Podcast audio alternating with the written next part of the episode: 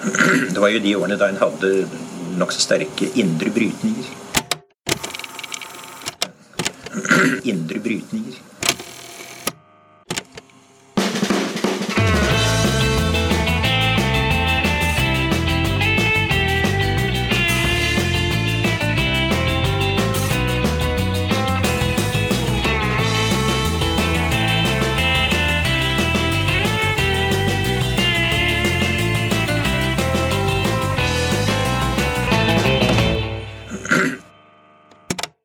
Hei og velkommen til Noen har snakket sammen. Mitt navn er Tiril Rustan Halvorsen.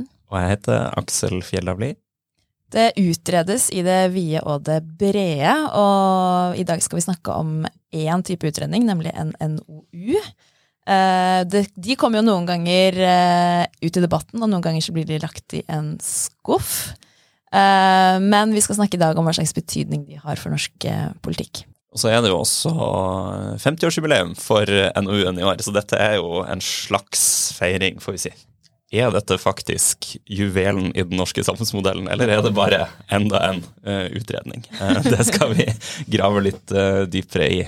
og med oss i podkasten i dag så har vi med oss Stine Hestvedt, som er forsker ved Institutt for samfunnsforskning og har skrevet doktorgrad om NOU-er. Velkommen hit. Tusen takk. Vi må jo starte med det elementære. Altså, det fins jo mange slags ulike utredninger. Man snakker om liksom, ekspertutvalg, man har også stortingsmeldinger, ikke sant. Og så har man norske offentlige utredninger, NOU-er. Hva, hva, er spesielt med NOU-en, egentlig? Det som er spesielt med NOU-ene, er kanskje at den er, sånn som du sa, så er det nok ansett som eh, selve kronjuvelen i utredningsvesenet i forhold til andre sånn ekspertutvalg som du snakket om. Uh, for eksempel, så inngår NOU-ene i en serie. Så de uh, oppnevnes veldig sånn Det er formaliserte prosedyrer. Det skal gjennom Kongen i statsråd, i motsetning til ekspertutvalg som egentlig ikke skal det. De får ofte de får et sekretariat som ligger hos departementet, uh, et eget budsjett. Så det er mange, det er mange mer sånn formaliserte prosedyrer som ekspertutredninger, ikke, andre ekspertutredninger ikke har. Og så er det ansett som eh, veldig innflytelsesrike utredninger som Og det kan vi jo, skal vi sikkert snakke mer om eh, etter hvert. Det er veldig mange som har hatt stor innflytelse på norsk eh, politikk. Mm. Men eh, bare spør da, Det kom jo et konkret eksempel eh, i går, var det vel, en ekspertutredning om politiets maktbruk. Eh, når man setter ned, uten å gå liksom for dypt ned i dette konkrete eksempelet, når man setter ned en sånn ekspertutredning da, kontra å løse det som en offentlig utredning, betyr det at det er tenkt å være en litt mindre viktig utredning da? Det er et godt spørsmål. Altså, jeg har intervjuet uh, i doktorgraden min, så intervjuet jeg uh, byråkrater om dette spørsmålet her. Og det er ikke alle som er folk vet ikke, Man vet ikke helt hvorfor noe blir en ekspertutvalg og noe blir en NOU. Det virker som at det er litt tilfeldig innimellom. Men uh, Så akkurat det er et godt spørsmål, for det er ikke nødvendigvis sånn at den utredningen som du nevner nå, ikke er viktig. Men uh, det er et eller annet med at uh, det, er, det, er, nok litt spesielle typer spørsmål som, blir, en, som det blir en NOU av. Og det vi ser når vi har forska på dette, er at tidligere så var det veldig mye som ble en NOU. Så alle de der ekspertutredningene som man også har i tillit til NOU-serien i dag, de, de, fantes De gikk inn i NOU-serien tidligere. Etter hvert så har man liksom bestemt seg for, uh, på et eller annet tidspunkt, sikkert litt tilfeldig, at, at NOU-serien skal være de liksom mer viktige, store reformutredningene ehm, uh, uh, går inn i den serien. Og så sånne mindre ting, som f.eks. på 80-tallet så hadde man tre, intet mindre, utredninger, 70-80-tallet, om barkebille eh, altså, eh, utfordringene på Østlandet. Det ville aldri i dag blitt en NOU, men det var det på, på den tida. Ville blitt et ekspertutvalg i dag, kanskje? Kanskje et ekspertutvalg, eller tatt, Bare oppdragsforskning, liksom? Ja, kanskje oppdragsforskning, eller så ville det blitt håndtert av, av et direktorat, da. Ja. Så det har skjedd ganske store endringer. Nå er det blitt en veldig sånn eksklusiv, uh, kan man si, uh, serie. Og det som også skiller den fra f.eks. oppdragsforskning, uh, er at det er jo en sånn, det er sånn vesen som er litt sånn det er, ikke, det, er, det, er et, det er, ikke, helt uavhengig. Det er regjeringen og departementet som eier en NOU, og de har, departementene har sekretariatet. Eh, så i motsetning til oppdragsforskning, hvor det skjer utredning helt på armlengdes avstand på forskningsinstitutt, så skjer det her liksom en sånn Det er en sånn hybrid, ikke sant. Så regjeringen har kontroll.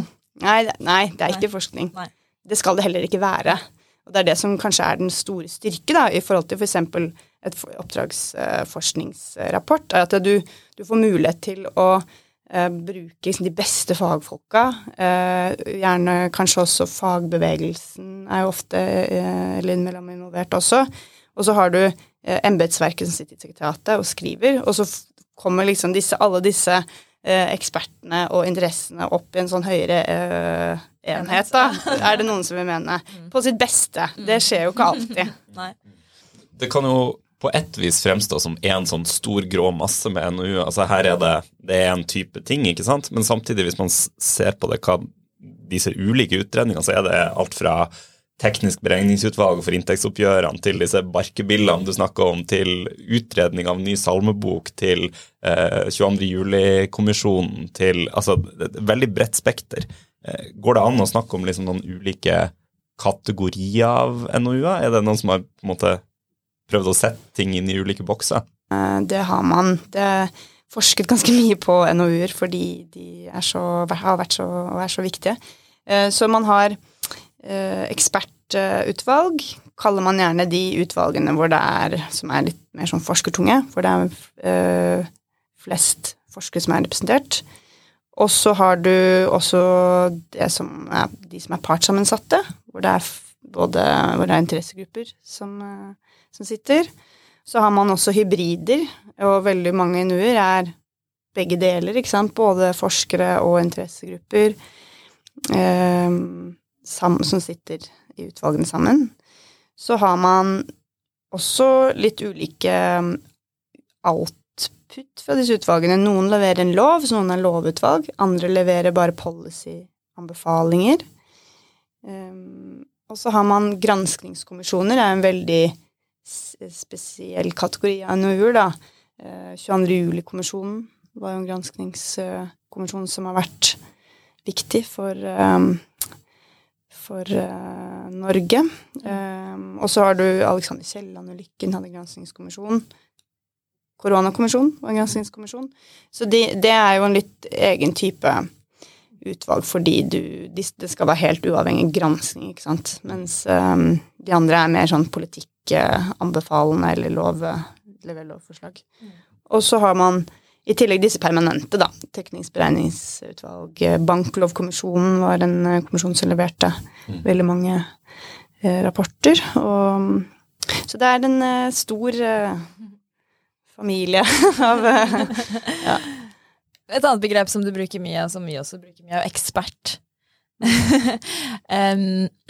et ekspertutvalg eller eksperter i NOU-ene. Hvordan skal man forstå en ekspert i denne sammenhengen? Er det forskere, er det bare fagpersoner, eller er det sånn at eh, en fagforeningsrepresentant er ekspert på sitt felt, uten å nødvendigvis være, ha en doktorgrad, da, eller? Alle de kan jo være eksperter. Ja. Um, så når man sier um en ekspert, så det kan jo bety så mangt, det. Men en forsker er jo åpenbart en ekspert på fagfeltet sitt. Men interessegruppene sitter veldig ofte, hvis man bare tenker på eh, pensjon f.eks., og veldig mye på arbeidslivsfeltet, så har interesse eller fagbevegelsen og arbeidsgiversiden veldig mye kompetanse og er eksperter på det. Mm. Så de sitter vel så mye i utvalg fordi de har en kompetanse um, som uh, forskere ikke har. Og embetsverket er selvfølgelig også eksperter. De har jo veldig mye sektorkompetanse, uh, og ofte mye mer sånn detaljert kunnskap om politikk, faktisk politikk, da, enn f.eks. en forsker uh, kan ha. Mm. Vi, vi må snakke litt om det politiske i dette. Du var jo litt inne på det, at det er ikke så liksom, på armlengdes avstand som andre typer utredninger kan, kan, være. Og Så kan man jo spørre seg hvor, hvor politisk må man regne en NOU-tekst fra hver? Eh, for eksempel så er det jo to eh, NOU-er som har blitt mye diskutert siste året, siste par årene. Eh, det ene er knytta til beskatning av eh, laksenæringa, eh, som på en måte det virka å være mer skepsis til konklusjonene til på høyresida enn på venstresida. Uh, og så har du eh, rusreformutvalget, som også ble initiert under forrige regjering, som eh, virka å være større skepsis til på venstresida. man har ikke ville gå inn for de anbefalingene på samme måte som det, det høyresida eh, ville. Altså, det, det jeg vil fram til, er egentlig hvor, hvor, mye kan en NOU forstås som et på en måte politisk bestillingsverk? Godt spørsmål. Um, veldig godt spørsmål. Og det, det er noe som um, krever litt sånn større, litt større svar. fordi på, på, mange måter så er det jo et politisk bestillingsverk, og det er det det skal være. Fordi det er regjeringen som bestemmer seg for at de skal eh, oppnevne et utvalg. Og det, ofte så kommer jo initiativet fra embetsverket. Så det kan være sant, ikke, veldig sånn, upolitiske grunner til å oppnevne et, eh, en NOU. Og det ser man jo hvis man ser, går inn og søker på regjeringen.no mm. på hva som eh, NOU-er hva NOU utreder for noe, så ser du at mange av, mange av de er veldig tekniske, og det er veldig sånn apolitiske spørsmål. Men så har du mange som kan være ganske politiske også, fordi det regjeringen bestemmer til en, det, altså en NOU gjør det en regjering til enhver tid ønsker at den skal gjøre og utrede. Så det Og det man ser f.eks. over tid, sånn som jeg snakket om i stad, så det vi, det vi, ser i vår, når vi har forsket, vi har kartlagt dette NOU-systemet, da, så vi har oversikt over hva som ble gjort på, av NOU, hvordan NOU så ut på 70-tallet, og hvordan det utviklet seg til i dag. Og på 70-tallet så så man at uh, det så ut som at embetsverket hadde mye mer eh, kontroll på, eller eh, kanskje ansvar for, å oppnevne, oppnevne utvalg. Så problemstillingene er mye mindre og mer tekniske. Det er disse barkebilleutredningene, f.eks. Det er sånne ting som skjenking i Forsvarets kantiner. Eller Samferdselsdepartementet om organisering og modernisering. Altså helt sånn veldig um, det, er liksom, det er helt åpenbart at det kommer initiativ fra embetsverket uh, for å opprette sånne utvalg. Så over tid så har det blitt en serie som er Det er færre utvalg over tid. På 70-tallet så kunne det være Der var de mye kortere, og de var mye mer tekniske, og det var kanskje 70 60 i året, da. Nå er det 20 i året. Og de er eh, lengre. Rundt jeg tror snittet nå er på to, i overkant av 200 sider. Og det er De kan være eh, veldig eh, De kan brukes både til sant, veldig mange viktige reformer. Ligger, eh, eh er bygget på en NOU. Pensjonsutvalget. Eh, endringer vi har hatt i valglovgivningen. Som er viktige politiske spørsmål men liksom ikke, ikke sant, politisk spillviktig, men viktige politiske spørsmål som regjeringen har utredet ved hjelp av en NOU og brukt masse tid og ressurser på det. Og så har du samtidig sånne ting som ikke sant, eh, Nå, da, når EØS-spørsmål eh, utredes, så er jo det eh, noe som står i en regjeringsplattform, og det hadde ikke skjedd hvis ikke vi hadde hatt regjeringsskifte. Så det er en veldig tydelig Det er ikke dermed sagt at utredningen i seg selv blir jo ikke politisk, for det er jo en, et uavhengig utvalg som, som får uh, arbeide med dette i Romak. Men det er en regjering som har skrevet mandatet, satt det sammen. De har også sekretariatet. Og det så man også under Erna Solberg sin regjering. Man, det finnes flere eksempler på, både da og nå, at man f.eks. kan bruke en NOU til å liksom, flytte litt utfordringer man kanskje har i regjeringen, til et utvalg. For eksempel så er det Det var en Det var flere eksempler på sånne utvalg under, under Erna Solbergs regjering også. Mm. Så ja, det, det, er absolutt mulig å bruke eh, NOU-ene politisk, og jeg vil også si at det er helt Sånn er det. Liksom må det nesten være. Du nevner en veldig interessant endring over tid, det at det har blitt Eh, færre eh, NOU-er. Og en eh, annen ting jeg ser at du har funnet i din forskning, er jo at det er flere eksperter andelsvis i, i NOU-ene. enn før. Vis-à-vis f.eks. representanter for interesseorganisasjoner. Um, og, og, og, samtidig så ble jo, har jo NOU-serien blitt liksom beskrevet som ja, et av de fremste uttrykkene for at Norge er et, eller har vært et korporativt system, da, der mm. eh, partene f.eks. i arbeidslivet styrer veldig mye av politikken på, på sitt felt. da. Eh, tenker du at summen av, av, dette, altså både det at det har blitt færre NOU-er, og at NOU-ene består av flere eksperter enn før, er det et uttrykk for en form for avkorporatisering av det norske politiske systemet? Ja øh, og nei. Uh, um, Nei, altså det, det, er sånn som du sier, så er det andelsmessig veldig mange flere forskere som sitter i utvalg nå enn tidligere. Eh, og så har eh, antall interessegrupper gått uh, veldig ned over tid, og det startet uh, allerede det, Den avkorporatiseringen som du snakker om, den begynte allerede på 70-tallet, da man egentlig startet den NOU-serien. Vi har jo holdt på med utvalg um, lenger enn da. Det var litt tilfeldig, tror jeg, at man startet med dette på 70-tallet. Men avkorporatiseringen har foregått lenge, og det fikk, det fikk på en måte sin um, um, største Det ble på en måte fikk sin første største skudd for baugen med Willoch-regjeringen på 80-tallet, hvor det var uttalt at man ønsket å redusere eh, interessegruppenes altså kontroll da, og makt over eh, norsk politikk, fordi man bl.a. satt i utvalg, NO-utvalg, men også styrer og råd og nemnd og eh, alle andre sånne type korporative organer. da.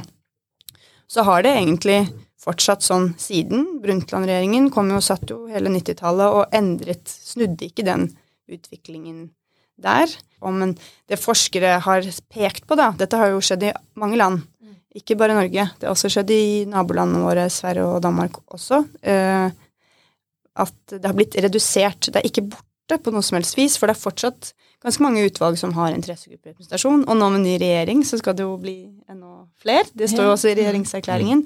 Så det er ikke sånn at eh, det er helt alkoholisert. Det er fortsatt en viss visst innslag av det. Men det man har pekt på, er at eh, interessegrupper altså fra og med altså på 80-tallet og 90-tallet, da, så var det ikke sant, det var en høyrebølge bølge og et slags eh, ønske om å liberalisere og, om eh, reformere en del velferdsordninger. Det var økonomiske kriser, og man ønsket å gjøre noe med skattesystemene. Man tenkte at nå må, dette er tiden for reform på den tida der hvor man virkelig så en avkorporatisering. Um, av utvalg. Og det man nok har tenkt, er at det er lettere at interessegrupper har sterke eh, interesser. Det skal du nødvendigvis ha på vegne av eh, på vegne av de de representerer, og det er lettere De er mer opptatt av å bevare status quo. Det er litt mindre reformorientert, kanskje, da. Så det har man pekt på, f.eks. Jeg har en kollega som har forsket på skattepolitikk og skattereform, og annet NOU-enes rolle i det. Og da han har Eh, funnet at da er det lettere å bruke Altså forskere har ikke samme liksom ønske om bevaring på den, på den, måten da, som kanskje man har sett at var nødvendig, så at var nødvendig på den tida. Mm. Så, men det, når det er sagt, så eh, avkorporisert er det jo ikke helt heller. Det blir for sterkt. Det, det, er fortsatt en viktig del av eh, norsk politikk, men den er, mye, den er jo redisert i forhold til hva det, hva det var. Du nevnte Hurdalsplattformen og formuleringa der om sterkere representasjon av eh, partene til arbeidslivet, er vel formuleringene de bruker, tror jeg. Eh, vet vi allerede noe om det har blitt flere eh, fra LO NO f.eks. i utvalg? Nå har ikke egentlig de utvalgene begynt å rukket å levere ennå, mm. så jeg har liksom ikke helt oversikt. Men jeg vi, vi, snakket om dette her litt på forhånd, så jeg var inne og googla meg gjennom uh, regjeringen.no, og det ser ut, så langt jeg kan se, at de har fulgt opp det. Altså, um, det er uh, mye uh, LO og NHO og andre organisasjoner inne i utvalgene som er oppnevnt nå. Og så har jeg også sett at det, ble, det er en del utvalg som fikk endret endret sammensetning, faktisk. Altså Noen av de utvalgene som holdt på før regjeringsskiftet, har fått, fikk tilleggs endret mandat, og så fikk de også eh, interessegrupperepresentasjon. Eksempel Kvinnehelseutvalget. Vi snakket jo litt om eksperter, og eh, nå har vi snakket om at det er færre interesseorganisasjoner eh, med over tid. Eh, men går det an å si noe om eh, fagsammensetningen av disse ekspertene, og kanskje også utviklingen over tid? Det er eh, sånn at det er flere og flere økonomer særlig, og flere og flere samfunnsvitere. Andre typer samfunnsvitere, da, som statsvitere og sosiologer. Um, pedagoger, psykologer. Ja. Mm. Så det er den største økningen um, er i uh, antall samfunnsvitere, uh, egentlig, og økonomer, da. Og så er juristene veldig til stede. Det har de vært hele tiden. Så, men den endringen, den økningen der, den speiler egentlig liksom litt uh, endringen i sammensetningen av faggruppen i embetsverket ellers. Det er jo flere samfunnsøkonomer og eh, statsvitere, sånn som meg, i embetsverket etter hvert også. Eh, så juristene hadde jo liksom veldig mye mer monopol, kan man si, tidligere. Men nå er det blitt litt mer sammensatt. Da. Men det er veldig lite, veldig lite naturvitere og lite ingeniører og sånt nå. Ja. Eh, no, litt humanister. Men vet ikke, man- ikke veldig mye.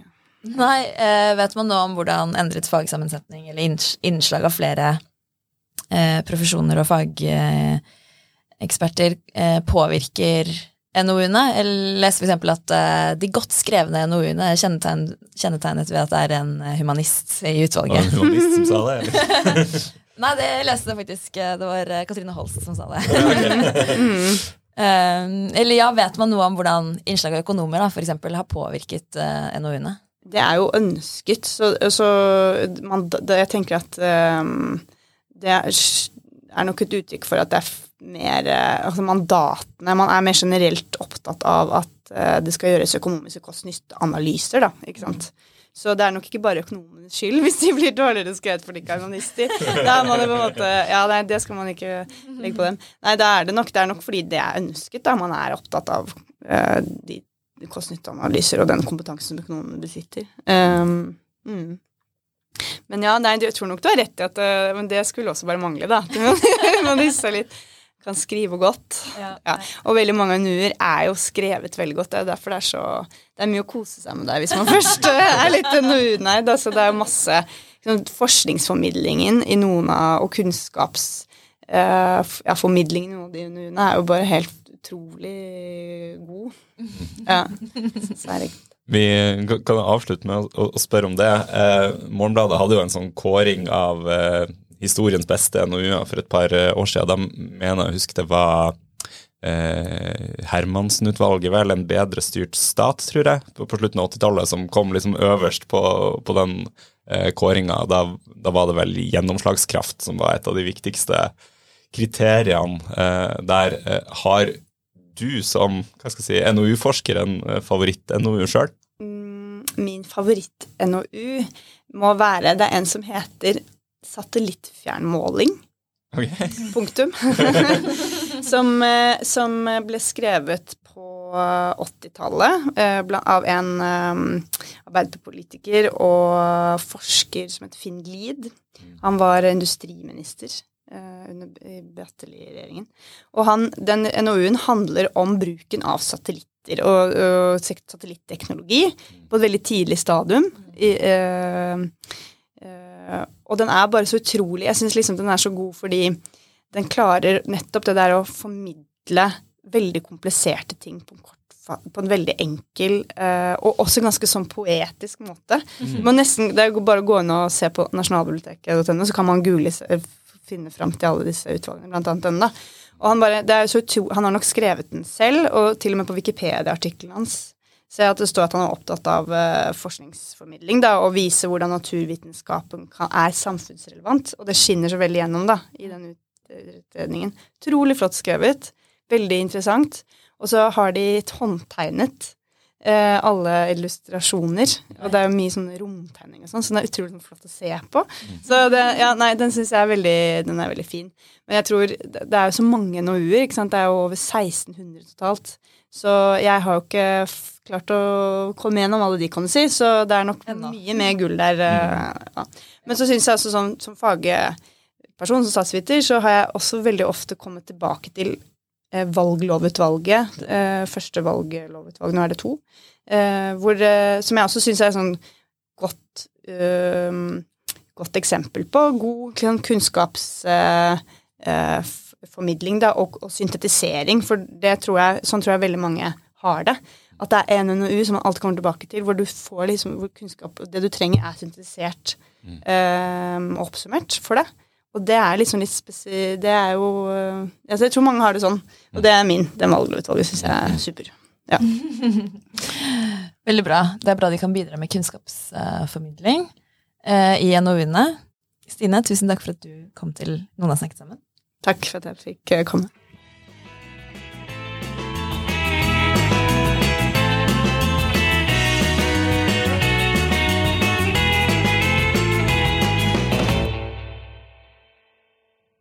Ja, eh, jeg vil gjerne avslutte sendingen da med, av, nei, med å anbefale denne Morgenbladet-kåringen som du nevnte. Ja, tidenes Eh, NOU. Tidenes NOU. Der er det ti, en topp ti-liste.